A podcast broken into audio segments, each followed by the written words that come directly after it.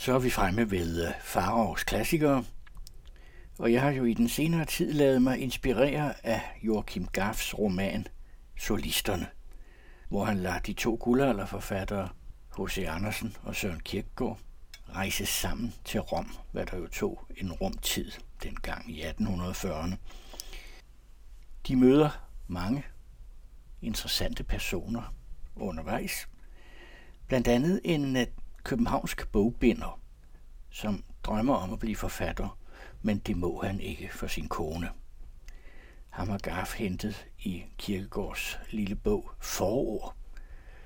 For i foråret til forår, og det læste jeg for jer for noget tid siden, der fortæller udgiveren, der er bogbinder, at øh, han har nøjes med at skrive forår, fordi øh, ellers så ville han øh, få sin kone på nakken. I romanen La Gaff de to rejsende faktisk møde denne bogbinder. Og i romanen fortæller han om sine problemer med konen. I denne uge vil jeg så læse et af de fiktive forår, som bogen Forår består af. Det er det andet af de otte forår, og det handler om at være forfatter i Danmark, og det er jo meget relevant for begge de to rejsende herrer.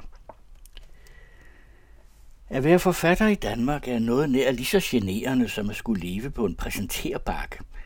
Især er det sejpinende for en lyrisk forfatter, der, om han end som menneske er lige det modsatte, dog kvæg forfatter, stedse er lidt folkesky, flygter bort fra alt det højrystede, lige meget enten det er ros eller dal, og hengiver sig i ensomhed til det ved at hyggelige, søde sværmeri, at der hister her sidder en læser i løn, som gør modtagelsen hjertelig, som rent æstetisk talt lukker sin dør og taler med forfatteren i løndom. Vil nogen finde min første sætning overdreven, så vil han dog måske have tålmodighed til at opbebige min næste, at det at være forfatter i Danmark for en stor del er identisk med at være forfatter i København, hvilket noget nær er lige så generende som at skulle skjule sig på en tallerken. I København er læseverdenens kræfter koncentreret, uden dog at denne koncentration har noget at betyde med hensyn til styrken, men kun med hensyn til støjen og larmen og spektaklet og den geskæftige travlhed i alle udenomsbestræbelser. At en bog udkommer, er der en begivenhed, der straks sætter læseverdenen i bevægelse. I almindelighed er der en enkelt, som en også ved det lidt i forvejen. En sådan må anses for en lykkelig. Han styrter ildsommere gennem gaderne en hin barber, der satte livet til for at være den første, der bragte efterretningen om sejren ved maraton. Hans skrig vækker mere sensation, end når den, der først har bemærket et blink ud i søen, råber højt over det ganske fiskerleje, sild. Et sådan menneske er et lykkens barn, lykkeligere end forfatteren, velkommen overalt. Ved en art forprang oppebærer han noget af den gunst, der er bestemt for forfatteren. Udråberen ved ikke videre besked, ved blot noget løst om, hvad bogen hedder, hvorom den handler, men det er netop det allerkæreste ved ham i læseverdens øjne. Tit rygte begejstrer læseverdenen, som musens indskydelse digteren, da det lige bestandig virker på det lige. Bogen er udkommen. Læseverdenen samles i synagogen til gensidig underholdning. Har de læst bogen? Nej, endnu ikke, men jeg har hørt, at det skal ikke være stort. Har de læst bogen? Nej, men jeg bladrede lidt i den i rejsets boglade når jeg blot vidste, hvem forfatteren er. Har de læst bogen? Nej, men jeg længes efter at se den, og har allerede på tre steder fået løfte om at låne den. Disse lignende temata varieres, mens støjen og larmen vokser. Til de tomme tønder rumler mest, og synagogen har ligesom kirkeklokken en tunge og et tomt hoved. Vil man gøre anskueligt for øjet, hvad her nærmest tilbyder sig for øret, der ser man læseverdenens håb sammenstemtet på alarmpladsen. I en fuldkommen konfusion løber alle mellem hinanden. Ser man nøjere til, der bemærker man nogle enkelte skikkelser, der distinguerer sig fra mængden.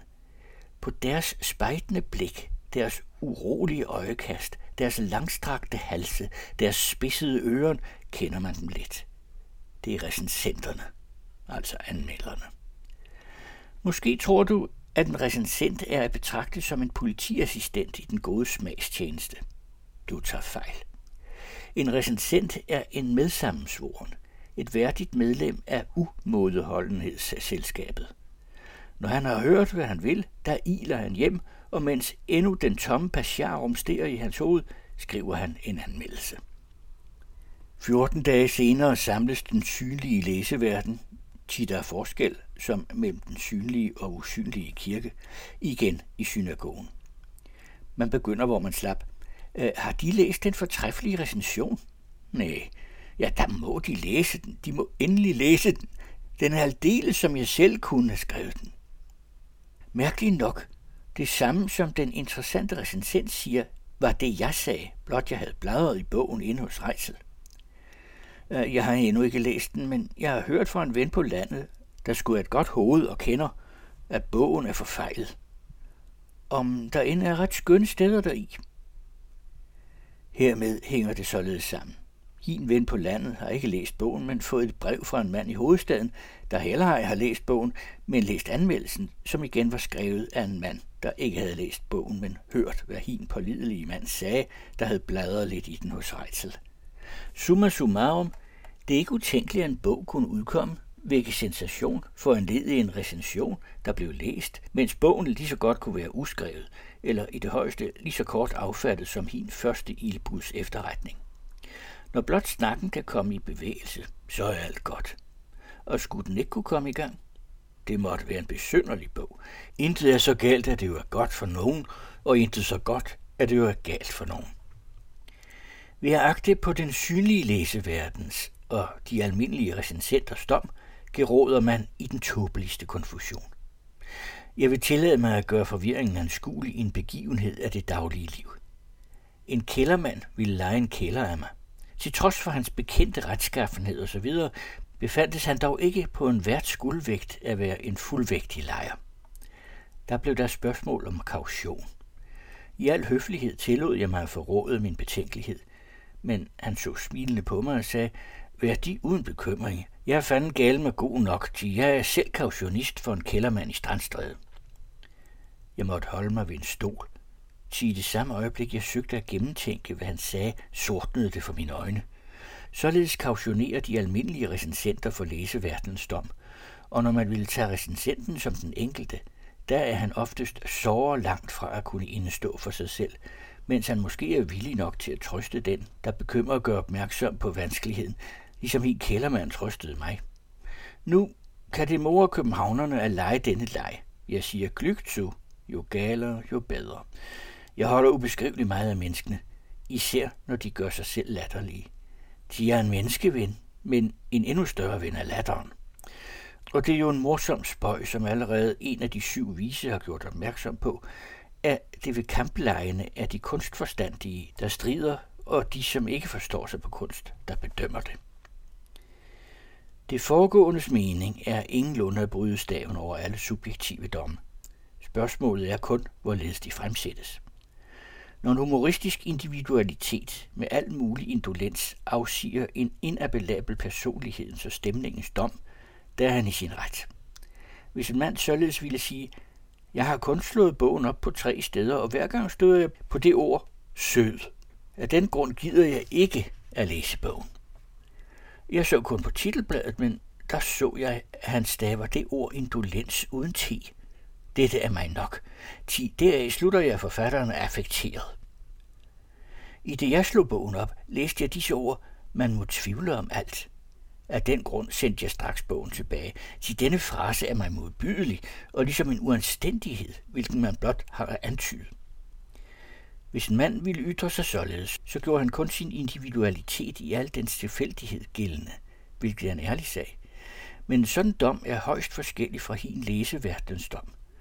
Derfor ønsker i almindelighed heller ej en sådan partikularist og hans dom, fordi vedkommende nok bemærker, at den bevidst eller ubevidst indeholder en satire over deres dom. Læseverdens dom, skønt bygget på lige så lidet som hans, er vigtig og fuld af prætension.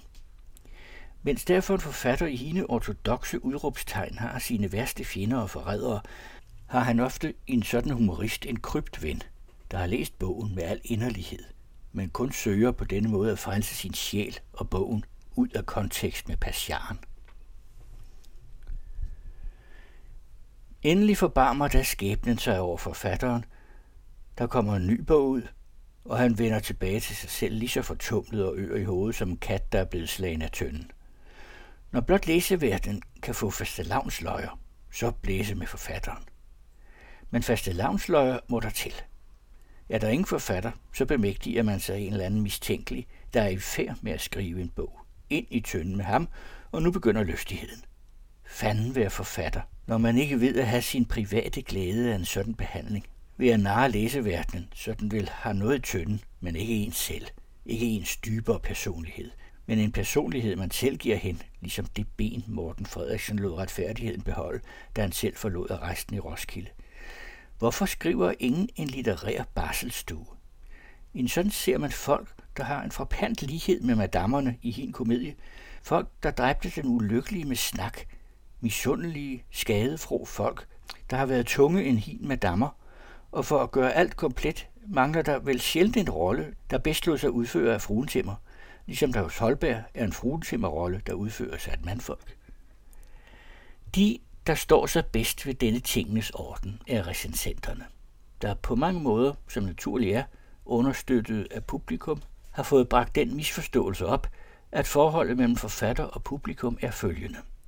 Forfatteren er en stakkel stømper, der ingenting ved og intet forstår, men med angst og gro venter på den strenge dommer på det højdærede publikums vise og indsigtsfulde dom. At publikum skulle kunne lære noget af en forfatter, var jo lige så tåbeligt, som en professor skulle kunne lære noget af den student, han eksaminerer. Hvad forfatteren skriver, er en eksamensstil, og selvom man havde udsigt til at stå sig noget så godt, den er jo dog lidt gal, der underkaster sig den, da man allerede er langt videre ved at lade være at skrive. Så er man jo en integrerende del af det højst ærede publikum. Recensenterne derimod er det højstærede publikums højt betroede håndlangere, dets mundskænke og geheime råder.